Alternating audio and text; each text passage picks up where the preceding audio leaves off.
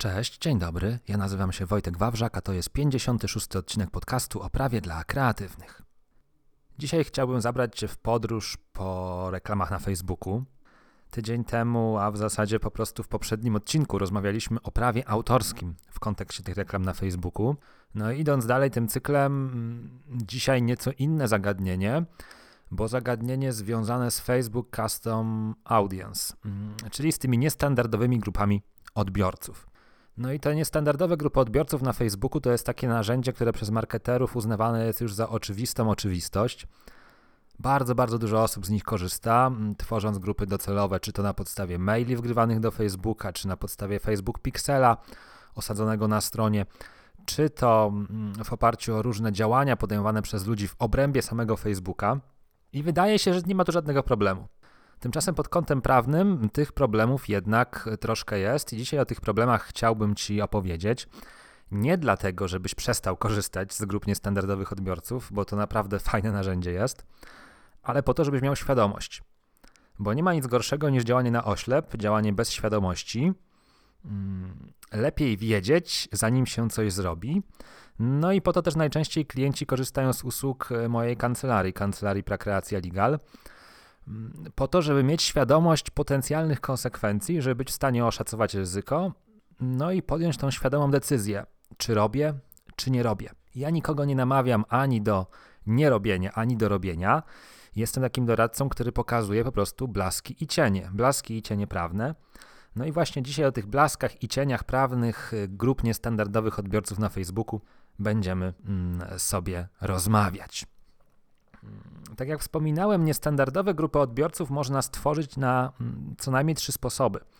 I ja miałem taką ambicję, pisząc artykuł mm, i nagrywając ten podcast, żeby opowiedzieć w jednym materiale o wszystkim. Czyli o i wgrywaniu adresów e-mail, i o Facebook Pixelu, i o kierowaniu komunikatów na podstawie tego, co ktoś wcześniej zrobił w obrębie naszego fanpage'a. Natomiast y, już sam materiał poświęcony adresom e-mail rozrósł się na tyle, że stwierdziłem, Wojtek, stop zanudzisz i przytłoczysz tych swoich kochanych odbiorców, e, swoją drogą szapoba. Jeżeli słuchasz tego podcastu o prawie dla kreatywnych, to naprawdę szapoba, e, bo jak kiedyś zakładałem ten podcast, to wydawało mi się, że to jest wręcz niemożliwe, żeby ktoś chciał słuchać o prawie, bo przecież prawo to nie jest temat sexy. A jednak jesteś, a jednak słuchasz, więc wielkie dzięki. No i dzisiaj wysłuchasz o tym, jak ma się wgrywanie adresów e-mail do grup niestandardowych odbiorców do kwestii prawnych. I żeby zacząć o tym temacie mówić, musimy sobie powiedzieć wprost, że każdy adres e-mail potencjalnie należy do kategorii danych osobowych. I ja wiem, ty teraz powiesz, że są takie adresy e-mail, które wprawdzie nie pozwalają przecież ustalić niczyjej tożsamości, no bo na przykład jeżeli mamy adres jan.kowalski.gmail.com, no to czy my wiemy, jaki Jan Kowalski za tym stoi? Albo jeżeli mamy jakiś adres e-mail biuro małpa xyz.com, to też nie mamy do czynienia z danymi osobowymi. Oczywiście, można tak argumentować, tylko zwróć uwagę i w zasadzie zastanów się, czy jesteś w stanie wykluczyć sytuację, że na Twojej liście klientów czy na Twojej liście newsletterowej rzeczywiście nie pojawią się dane osobowe. Owszem, moglibyśmy tworzyć jakieś takie iluzoryczne regulaminy zapisu do newslettera, w którym byłoby powiedziane, że można się zapisać tylko z adresem e-mail, który nie stanowi danych osobowych, no ale to jest mrzonka, to jest fikcja, to jest groteska, to jest niemożliwe. Dlatego z punktu widzenia jak gdyby bezpieczeństwa naszych działań przyjmujmy po prostu, że adres e-mail należy do kategorii danych osobowych i, i są tego określone konsekwencje. I od razu takie małe sprostowanie. Mm, chciałem bardzo powiedzieć, że adres e-mail to dana osobowa, ale jak kiedyś rzuciłem gdzieś, że adres e-mail to dana osobowa, to ktoś humorystycznie się do mnie odezwał: Oj, dana, dana. I to jest taki spór, czy jest dana osoba pojedyncza, czy są tylko dane osobowe. Stąd pewnie ten mój taki, mm, taka moja maniera w mówieniu, adres e-mail należący do kategorii danych osobowych. Mm, natomiast też nie mam szczególnego problemu, żeby mówić, że adres e-mail to dana osobowa. Oj, dana dana może być dana osobowa. No ale dobrze, mm, adres e-mail to dana osobowa i co z tego? To z tego, że jeżeli my, a w zasadzie ty, słuchaczu drogi, przetwarzasz jakieś adresy e-mail, no to musisz mieć właściwą podstawę prawną przetwarzania. Operacja na adresach e-mail polegająca na wrzucaniu ich do grupy niestandardowych odbiorców, no jest to operacja przetwarzania danych. Mm, i musisz mieć do tego podstawę prawną. I szukając tych podstaw prawnych w RODO, no bo właśnie RODO to jest ten akt prawny, który dotyczy danych osobowych, patrzymy na artykuł 6. No i artykuł 6 RODO wymienia te wszystkie możliwe podstawy prawne przetwarzania. Nie będę ci teraz odczytywał tego artykułu 6, natomiast jeżeli chcesz się z nim zapoznać, no to przejdź na blog, odpal artykuł i w artykule cały ten, ten mój artykuł na blogu na ten temat. I w tym artykule jest artykuł 6 RODO przytoczony. I tutaj generalnie, jeżeli słuchasz po raz pierwszy, to pamiętaj, że podcast nagrywany jest niezależnie od artykułu. Mm, I artykuł zawiera trochę więcej informacji, bo też i forma pisemna różni się od formy y, mówionej, więc wszystkie przepisy, cytaty, one są w tym artykule i możesz w dowolnym momencie tam zajrzeć. Jeżeli słuchasz w aplikacji podcastowej, mm, to link do tego artykułu znajduje się w opisie tego odcinka. Wracając natomiast do meritum. Adres e-mail to dane osobowe. Wrzucenie adresu e-mail do grupy niestandardowych odbiorców to przetwarzanie danych osobowych, które musi mieć swoją podstawę prawną. I gdy prześledzimy ten artykuł 6 RODO, to zauważymy, że tak naprawdę w kontekście Facebook Custom Audience mówimy sobie o dwóch potencjalnych podstawach przetwarzania. Albo o zgodzie na przetwarzanie danych osobowych, albo ewentualnie o tak zwanym prawnie uzasadnionym interesie administratora. I zgoda jest oczywiście podstawą najprostszą i najbardziej bezpieczną, mm, czyli najłatwiej byłoby po prostu odebrać od użytkownika zgodę na to, żebyś dodał jego adres e-mail do Facebook Custom Audience. Natomiast y, uczciwie mówiąc, trudno sobie to wyobrazić, bo teraz na przykład y, mamy sobie formularz zapisu do newslettera. No i co? I w tym formularzu dodajemy dodatkowy checkbox. Wyrażam również zgodę na dodanie mnie do grupy niestandardowych odbiorców i kierowanie reklam na Facebooku. No kto to zaznaczy po pierwsze, a po drugie każdy od UX-u od razu będzie mówić, że to zabija konwersję, no i prawdopodobnie będzie miał rację. Dlatego większość klientów mojej kancelarii nie chce bawić się w odbieranie zgody mm, i chce zrobić to w inny sposób. Czy można to zrobić w inny sposób? No można oprzeć się tutaj na tym właśnie uzasadnionym interesie administratora. Ten prawnie uzasadniony interes administratora to jest taka podstawa prawna przetwarzania, mm, taki wytrych, jak ja to mówię. Tam, gdzie zawodzą inne podstawy, mm, lubimy pewne czynności przetwarzania wtłaczać w uzasadniony interes. I często robimy to tak trochę mm, machinalnie, automatycznie, bezrefleksyjnie, a mogą być z tego problemy. Dlatego, że jak gdyby przy każdej czynności przetwarzania opartej o ten uzasadniony interes, powinniśmy wykonać tak zwany test równowagi. Test równowagi to jest taki test, w którym badamy, czy ten nasz interes rzeczywiście jest nadrzędny, czy on jednocześnie nie godzi, nie zagraża innym interesom użytkownika. Nie będę Ci dzisiaj o tym teście równowagi opowiadał, bo to jest zagadnienie bardzo złożone i byśmy przeciągnęli ten odcinek. Natomiast chcę Ci po prostu zasygnalizować, że to nie jest tak, że można sobie stwierdzić, o, mam uzasadniony interes i koniec. No bo trzeba zrobić ten test równowagi i trzeba to ładnie udokumentować w naszym systemie ochrony danych, że rzeczywiście taka operacja jak wrzucanie adresów e-mail do Facebook Custom Audience no, stanowi ten uzasadniony interes i nie godzi nadmiernie wolności, prawa, interesy użytkownika. I tu by się wydawało temat zakończony. Nie chcesz odbierać zgody, wchodź w uzasadniony interes. Ale podrążmy dalej.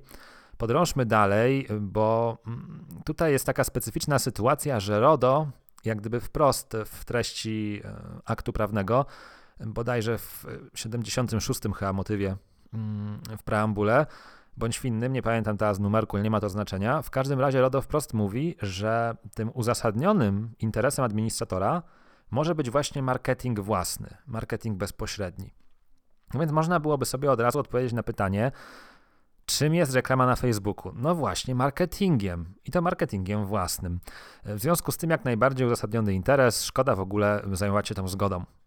I nie jest to oczywiście tak piękne, proste i przyjemne, jak mogłoby się wydawać, dlatego że w Polsce funkcjonuje jeszcze zgoda na informacje handlowe, zgoda na marketing bezpośredni z wykorzystaniem urządzeń telekomunikacyjnych, no, która jest jak gdyby niezależna od RODO. Więc wprawdzie można mieć podstawę prawną do przetwarzania danych na gruncie RODO w postaci uzasadnionego interesu, ale biorąc pod uwagę, no, czym są reklamy na Facebooku i że one najczęściej będą wpadać w szeroką definicję informacji handlowej, a już na pewno w definicję marketingu bezpośredniego, no to jednak trzeba mieć na takie działania zgodę.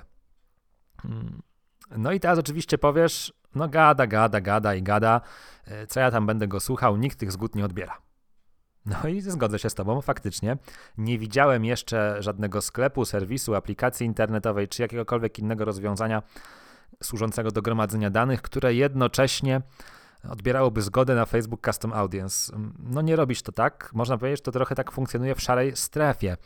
Mm, czyli tak to działa i nie ma z tego powodu konsekwencji negatywnych. Natomiast gdyby miało się to spotkać z jakąś kontrolą organu nadzorczego, bądź gdyby na przykład użytkownik, do którego została stargetowana reklama, mm, złożył na ciebie skargę, no to niestety przepisy bardziej są przeciwko tobie niż za tobą, no bo ta zgoda na informację handlową za pośrednictwem komunikacji elektronicznej no jest wymagana, mm, chcąc czy nie chcąc.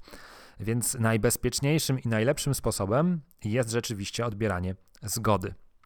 Mm, no i zresztą jak popatrzysz na regulamin Facebooka, bo Facebook ma taki regulamin mm, poświęcony tej usłudze grup niestandardowych odbiorców, to w tym regulaminie też znajdziesz takie wątki pod tytułem, że musisz mieć zezwolenie, zgodę, podstawę prawną, a przynajmniej musisz zapewniać możliwość sprzeciwu. No i właśnie w tym sprzeciwie mm, ja upatruję taki kompromis, na który też decydują się często moi klienci. To znaczy, nie odbierają tej zgody, opierają się na uzasadnionym interesie, no i szukają jakiegoś sposobu na minimalizację ryzyka. I takim sposobem na minimalizację ryzyka jest właściwie przygotowana polityka prywatności.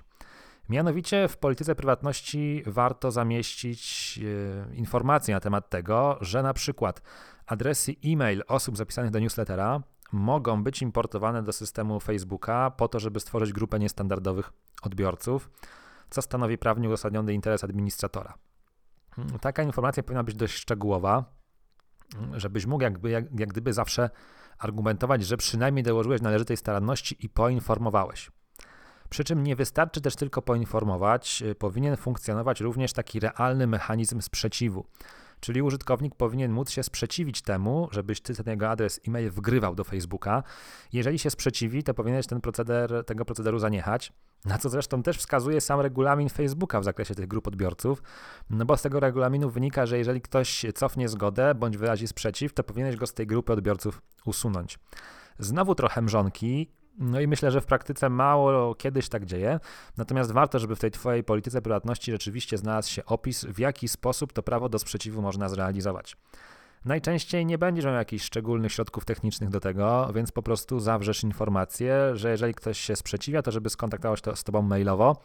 No i to jest takie minimum. Jako dodatek do tego artykułu przygotowałem takie przykładowe postanowienia, które możesz wykorzystać w swojej polityce prywatności gdy chodzi właśnie o to Facebook Custom Audience w kontekście list mailingowych.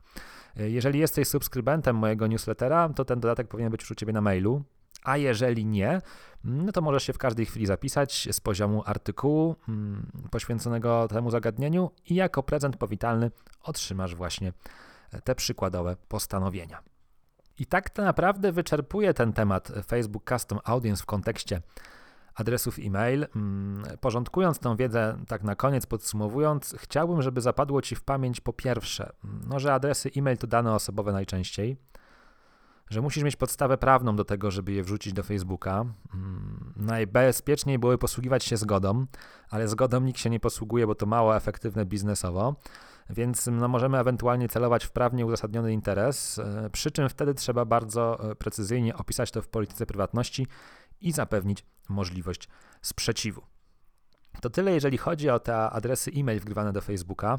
Oczywiście ja tutaj mówiłem o liście mailingowej, ale może być też tak, że będziesz na przykład wrzucał do grup odbiorców listę klientów, bo na przykład ktoś kupił jakieś e, dokumenty czy jakiś inny produkt u ciebie w sklepie.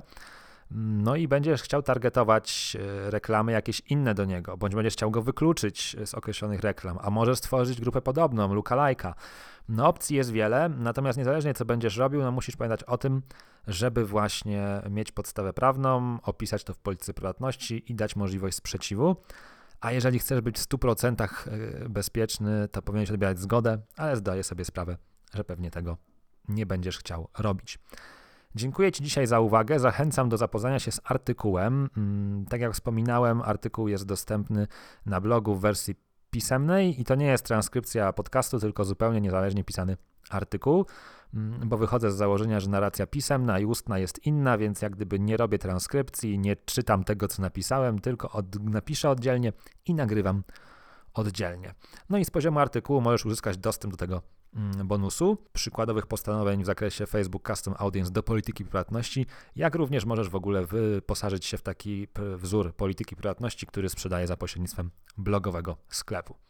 A jeżeli podobał Ci ten odcinek, no to zostaw jakąś opinię w iTunes czy w innej aplikacji, w której słuchasz, zostaw odpowiednią liczbę gwiazdek, napisz kilka słów, będzie mi mm, bardzo miło i w ogóle opowiedz o tym podcaście, o tym artykule osobom, które znasz, a które mogłyby z tego mm, skorzystać. Dzięki za uwagę, no i mam nadzieję, że do usłyszenia w kolejnym odcinku. Trzymaj się ciepło, cześć.